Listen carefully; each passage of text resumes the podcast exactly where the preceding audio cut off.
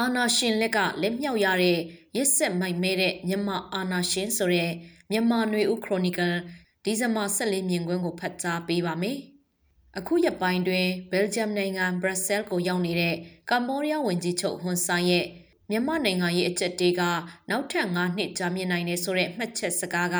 မြန်မာနိုင်ငံရေးပြဿနာခက်ခဲမှုကိုအချိန်ကာလနဲ့ခံမှန်းချက်နဲ့ပထမဆုံးပြောဆိုချက်တစ်ခုဖြစ်ပါလိမ့်မယ်။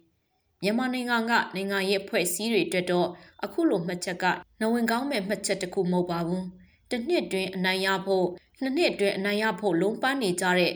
NUG ရဲ့ PDF တပ်ဖွဲ့တွေအနေနဲ့အခုလိုခံမှန်းပြောဆိုချက်ကမြန်မာပြည်တွင်းကအင်အားအခြေအနေကိုဟွန်ဆန်တေတေချာချာနားလည်မသိလို့ပြောတာလို့ယူဆလိုက်မှဖြစ်ပါတယ်။ဆယ်စုနှစ်ရဲ့ရှေးကြစွာလက်နက်ကင်တိုက်ခိုက်ခဲ့တဲ့တိုင်းသားလက်နက်ကင်အဖွဲ့တွေအနေနဲ့တော့မနှစ်ကမှဖွဲ့စည်းခဲ့တဲ့ NUG ရဲ့ PDF တွေလောက်မနေ့ပြန်တဲ့ဘက်ကနိုင်မဲဆိုတဲ့မျှော်လင့်ချက်မျိုးမထားတာကြောင့်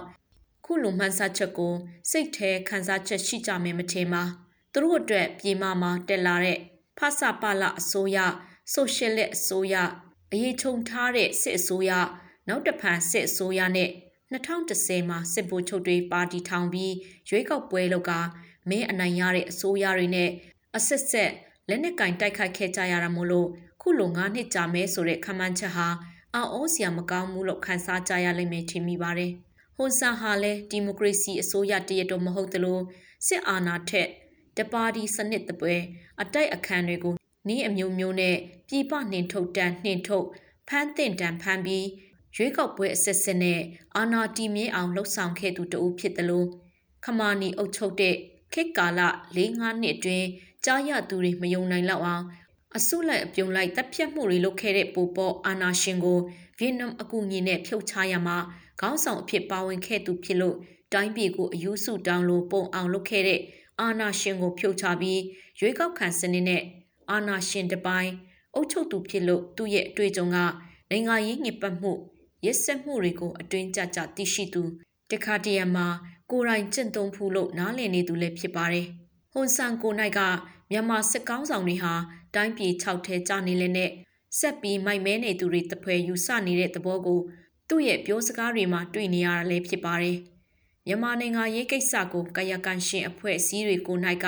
စိတ်မပူကြရင်လည်းမတက်နိုင်ဘူးဆိုတော့အတိတ်ပဲတက်ရောက်တဲ့မှတ်ချက်ကိုနေ့လယ်ပိုင်းလောက်ကသူပြောဆိုခဲ့တာဖြစ်ပါတယ်။ဒီပြောဆိုချက်မှတ်ချက်ဟာဟွန်ဆန်လိုအာနာရှင်တယောက်က မြန်မာနိုင်ငံကရက်ဆက်မိုက်မဲတဲ့အာနာရှင်တွေကိုစိတ်ကုံတဲ့သဘောမျိုးလက်မြောက်တဲ့သဘောမျိုးပြောဆိုလိုက်တာလည်းဖြစ်ပါတယ်။ဟွန်ဆန်အနေနဲ့ကမ္ဘောဒီးယားနိုင်ငံဝန်ကြီးချုပ်အနေနဲ့အာဏာမြဲအောင်အတိုက်ခံကောင်းဆောင်တွေကိုရွေးကောက်ပွဲမတိုင်ခင်မနေနိုင်အောင်လုပ်ပြီးရွေးကောက်ပွဲမတိုင်ခင်မနေနိုင်အောင်လုပ်ပြီးတချို့ခေါင်းဆောင်တွေပြည်ပကိုတင်းရှောင်သွားကြတာမျိုးတွေဖြစ်လာတဲ့အခါ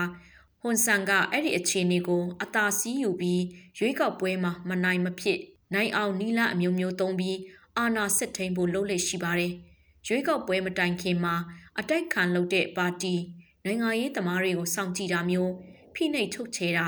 အတိုက်ခံပါတီပုဂ္ဂိုလ်တွေရဲ့နိုင်ငံရေးလှုပ်ရှားမှုတွေကိုတင်ဆက်ကြတဲ့ရေဒီယိုသတင်းဌာနတွေသတင်းစာတွေရဲ့သတင်းထောက်တွေကိုဖမ်းဆီးတာသတင်းဌာနကိုလိုင်စင်တင်တာတွေလုပ်လက်ရှိပါတယ်။ကမ္ဘောဒီးယားနိုင်ငံကသတင်းသမားတွေကအဲ့လိုအခြေအနေတွေကို အကြိမ်ကြိမ်ကြုံခဲ့ကြဘူးလို့ရိုးနေပြီလို့တောင်ပြောရမလို့ဖြစ်ပါတယ်။လက်တွေ့မြန်မာနိုင်ငံရဲ့အခြေအနေကိုပြောရရင်တော့မြန်မာနိုင်ငံရဲ့အကျက်တီဟာလက်နက်ကင်တိုက်ပွဲတွေအနေနဲ့ဖြစ်ပွားနေကြတာဖြစ်လို့တိုက်ခိုက်မှုရစဲရေးနိုင်ငံရေးအရာဖြေရှာရေးဆိုတာစစ်ကောင်စီကမလိုလားသလို NUG နဲ့ PDF လက်နက်ကင်အဖွဲ့အစည်းတွေကလည်းသွေးကြွေးမှာဆွေးနွေးစရာမရှိဆိုတဲ့အဆောင်ပုံနဲ့ငိမ့်ချရင်ဆွေးနွေးမှုအပြစ်ရဲ့ဆွေးနွေးမှုတွေကိုမလိုလားကြတဲ့အနေအထားဖြစ်ပါတယ်။ လက်နက်ကင်တိုက်ပွဲတွေရဲ့တဘာဝအရနှစ်ကာလတစ်ခုကြာမြင့်နိုင်တဲ့အနေအထားဖြစ်လို့စစ်ကောင်စီစစ်အာဏာရှင်စနစ်ကိုဖြုတ်ချမဲ့ NUG PDF တို့အနေနဲ့ရေရှည်မဟာဗျူဟာရှိထားရမယ့်အနေအထားလေးဖြစ်ပါတယ်။အောင်ပွဲကမနေ့ပြန်တပက်ခါဆိုတဲ့ခမှန်ချက်တက်ကိုရေရှည်မှာတက်လုံကောင်းမဲ့ဗျူဟာပြင်ဆင်မှုနဲ့စီးရုံးမှုတွေပေါ်အခြေခံထားဖို့လိုအပ်လိမ့်မှာဖြစ်ပါရဲ့ရှင်။